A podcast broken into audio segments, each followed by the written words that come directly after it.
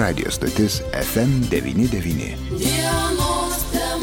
Sveiki, bičiuliai, studijoje prie mikrofono Liudas Ramanauskas dienos temoje. Šiandien mes kalbėsime apie profesijas, apie tos žmonės, kurie nori keisti, o galbūt įgyti patrauklę profesiją. Šiandien prasideda žiemos etapo prieimimas į profesinio mokymo įstaigas, o mūsų pašnekovas Alitaus profesinio rengimo centro direktorius Vytautas Zubrus. Labadiena, ponas Vytautai. Labadiena. Na štai, prasidėjo žiemos prieimimas ir nebejoju, jog ir Alitaus profesinio rengimo centras turi ką pasiūlyti tiem žmonėms, kurie galbūt nori pakeisti profesiją, na, pagaliau gal galbūt surasti savo vietą po saulę, kągi siūlote jūs? Taip, tai tikrai jaučiame šiandieną, kad e, jau prasidėjo prieimimas, žiemos prieimimas, tai pagrindinio prieimimo dalis ir, e, ir jau iš ryto matėm žmonių, kurie nori mokytis ir kurie renkasi mokymo programas, kurias mes esam pasiūlę. Tai pasiūlėm programas ne tik tai tiems, kurie turi kvalifikaciją ir mokytis nori pagal testinio profesinio mokymo programas, bet ir tie, kurie turi vidurinį įsilavinimą ir nori įgyti patrauklę darbo rinkoje profesiją. Tai e, tokios, sakyčiau, nauja, visiškai nauja programa, kuri e, aptarta kartu su verslu, tai automatinių sistemų eksploatavimo mekatroniko. Jinai yra skirta tiems asmenims, kurie turi vidurinį įsilavimą ir tiems, kurie nori persikvalifikuoti arba įgyti naują profesiją. Toliau atsinaujinančios energijos įrangos montuotojo mokymo programa, dekoratyvinio želdinimo ir aplinkos tvarkymo verslo darbuotojo mokymo programa, paramediko mokymo programa motorinių transporto priemonių vairuotojo ir žemės ūkio verslo darbuotojo mokymo programa. Taigi šiandien startuoja prieimimas e, truks 15 iki, iki vasario 15 dienos, tai tikrai labai trumpas laikotarpis, bet kaip sakiau, tai yra pagrindinio prieimimo dalis. Taip, ir tie, kurie nori pakeisti savo profesiją, štai jūs paminėjote e, ir mechatroniko profesiją, ar ne, ir žinau, kad Lietuvos profesinio rengimo centras vis dėlto glaudžiai bendradarbiauja su mūsų regione veikiančiomis įmonėmis, verslo įmonėmis, gamyklomis. Ši profesija, man taip atrodo, kad kuo toliau, tuo bus gamyboje aktualesnė, ar ne? Nes tai jau yra automatinių sistemų mechatronikas. Kas konkrečiai tai yra Vytauta? Kas per profesiją? Nes skamba tai taip, na, gražiai, bet kaip yra realiame gyvenime? Tai, na, iš tikrųjų, tos įmonės, kurios, na, labai greitai dėgia pramonė 4, reiškia tas visas idėjas, ypatingai skaitmeninimo, tai ir pasigenda šitų mokymo programų. Tai Tai programa, kuri apima ir mechaniką, ir hidrauliką, ir pneumatiką, ir programavimą, ir efektyvius sprendimus, tai ir yra mechatronika. Tai tikrai turi išmanyti gana daug. Aišku. Tai turi būti pasirengęs, pasirengęs ir matematiniams sprendimams, ir programavimui, ir taip pat gerai skaityti brėžinius. Tai tikrai sudėtinga programa, bet tai ateities programa ir šiandieninio laikotarpio programa, ypatingai ten, kur yra e, e robotizacija, ten, Taip. kur yra skaitmeninė. Be jokios abejonės, ir tas procesas, kuo toliau trūkstant darbuotojų, ko gero jis tik įsibėgės dar sparčiau, o įmanoma štai, Alitaus profesinio rengimo centre, kalbant ir apie tą pačią mechatronikos specialybę, pasiruošti, kad jau žmogus baigęs mokymo kursą galėtų įsilieti į bet kurį kolektyvą, kur jo profesija yra reikalinga. Tai mes iš tikrųjų tam labai daug ruošiamės. Tikrai labai daug ruošiamės ir atsakingai ruošiamės.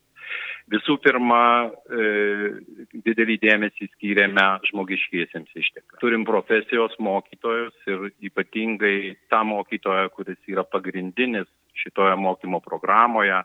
Tai jaunas mokytojas, tačiau jau turi pakankamai geras kompetencijas. Jisai paskutinius pusę metų ruošėsi vien tik šitai mokymo programai. Bendravo su verslu daug e, netgi ir buvo tokiose įmonėse kaip Strongglass, Glass LT ir kitose įmonėse tam, kad atlieptume verslo poreikį. Analizavom tai, kas yra mokymo programoje. Tai turėsim dar papildomų stažuočių ir jisai turės dar papildomų stažuočių e, Skandinavijos valstybėse. Tai e, aš džiaugiuosi, aš džiaugiuosi profesijos mokytojų ir manau, kad mes pasirengėm labai gerai.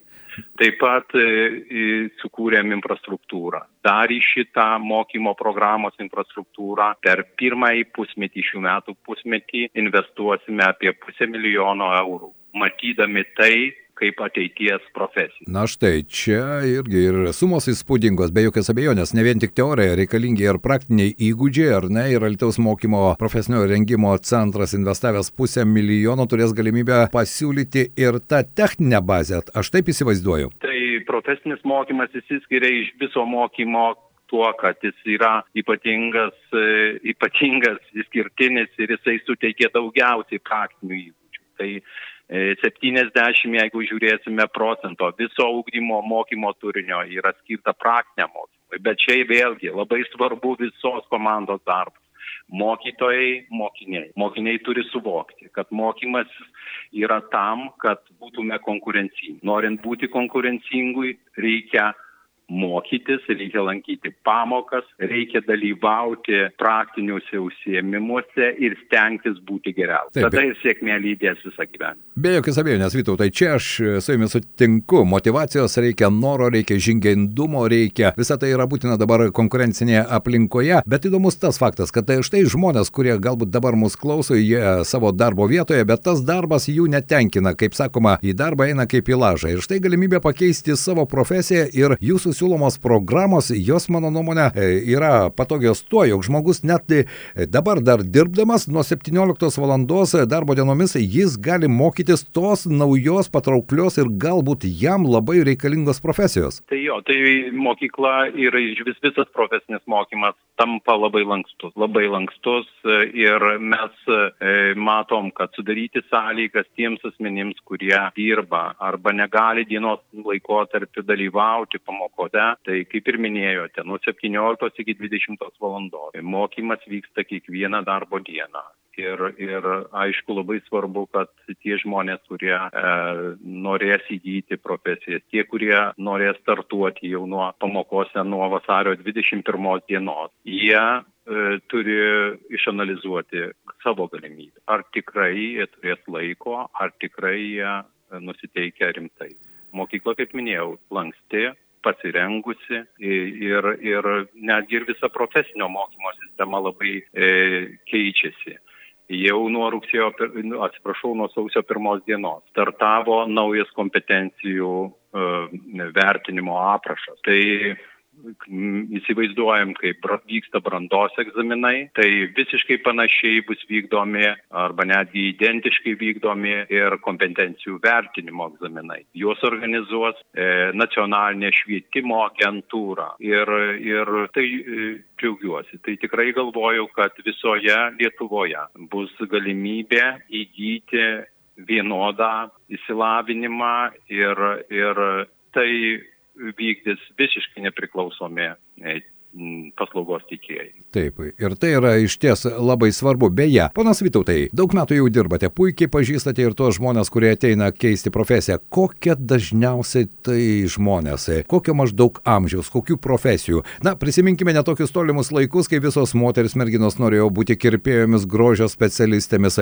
Dabar mes kalbame apie mechatroniką ir inžinierinius ir IT dalykus. Kokie žmonės pasiryšta vis dėlto keisti savo profesiją ir ne nebijo to padaryti. Tai viena klausimo pusė, o antra jau galbūt tai konkrečiai. Iki kokio amžiaus dar galima keisti savo profesiją?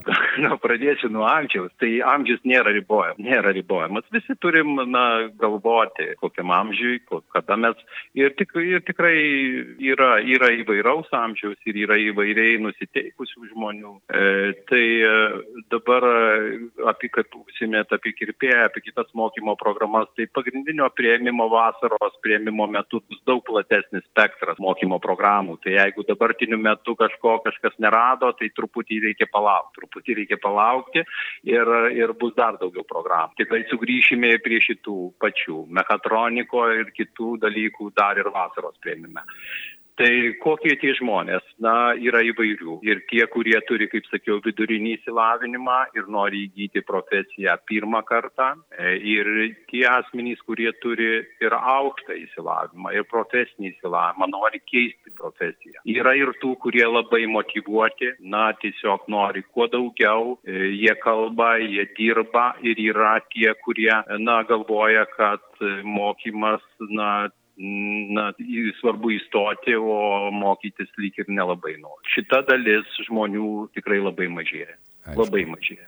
Atsiranda jau dabar daugiau mokinių, kurie nori mokytis, kurie nori kokybiško mokymo ir jie galvoja tikrai apie ateitį. Na štai, apie tai ir norėjau su jumis dar šiek tiek pakalbėti apie mokestį už mokslą. Ir tai jūsų paminėta programa, kuri startuoja jau nuo šios dienos iki vasario vidurio galima teikti per bendrą sistemą, LAMA BPO informacinę sistemą arba atvykti į mokyklą ir susipažinti geriau. Tai mokslas mokamas, nemokamas, kam jis mokamas, o kam nemokamas. Tai valstybės finansuojamas vietas. Taip. Tai valstybė finansuoja šitas vietas ir, ir aš kalbu apie tai, kas kur yra mokslas nemokam. Tai e, čia gali kandidatuoti tie asmenys, kurie uh, turi vidurinį įsilavinimą, kaip sakiau, ir gali įgyti pirmą kartą profesiją, taip pat ir tie asmenys, kurie turi kvalifikaciją, vieną kvalifikaciją ir gali įgyti antrą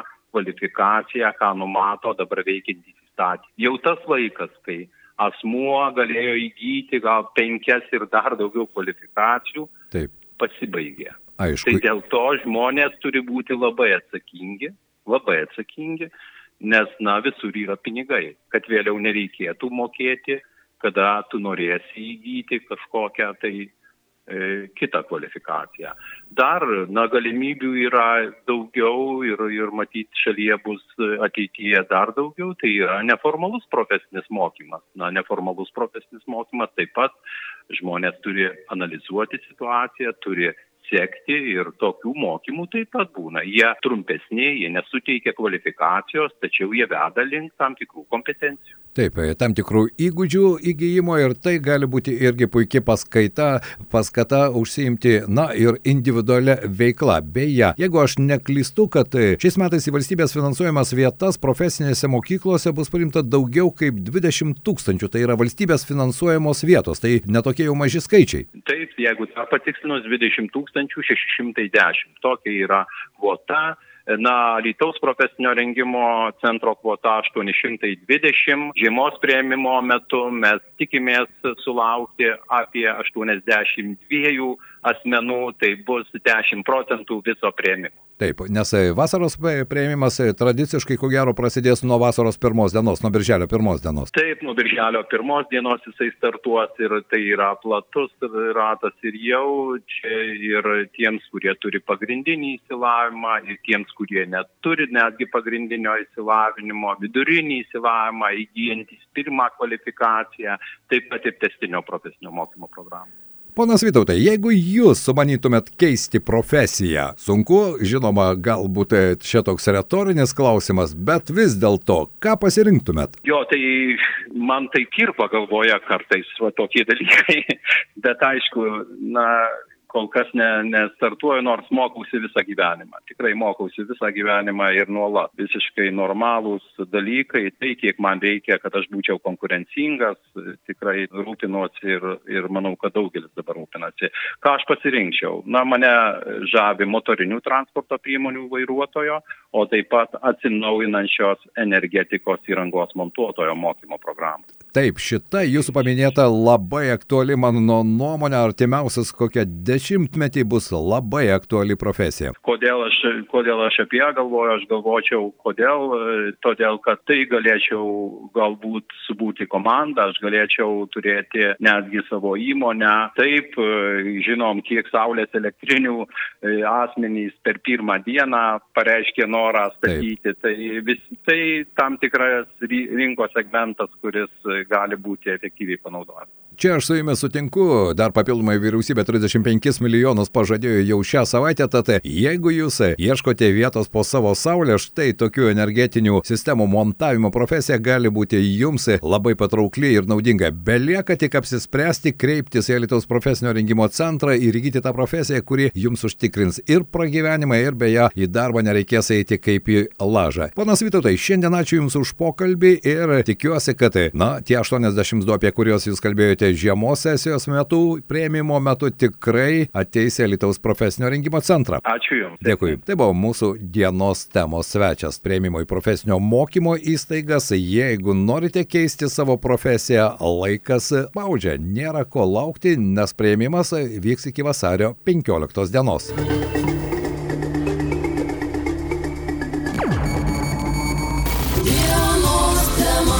FM 99.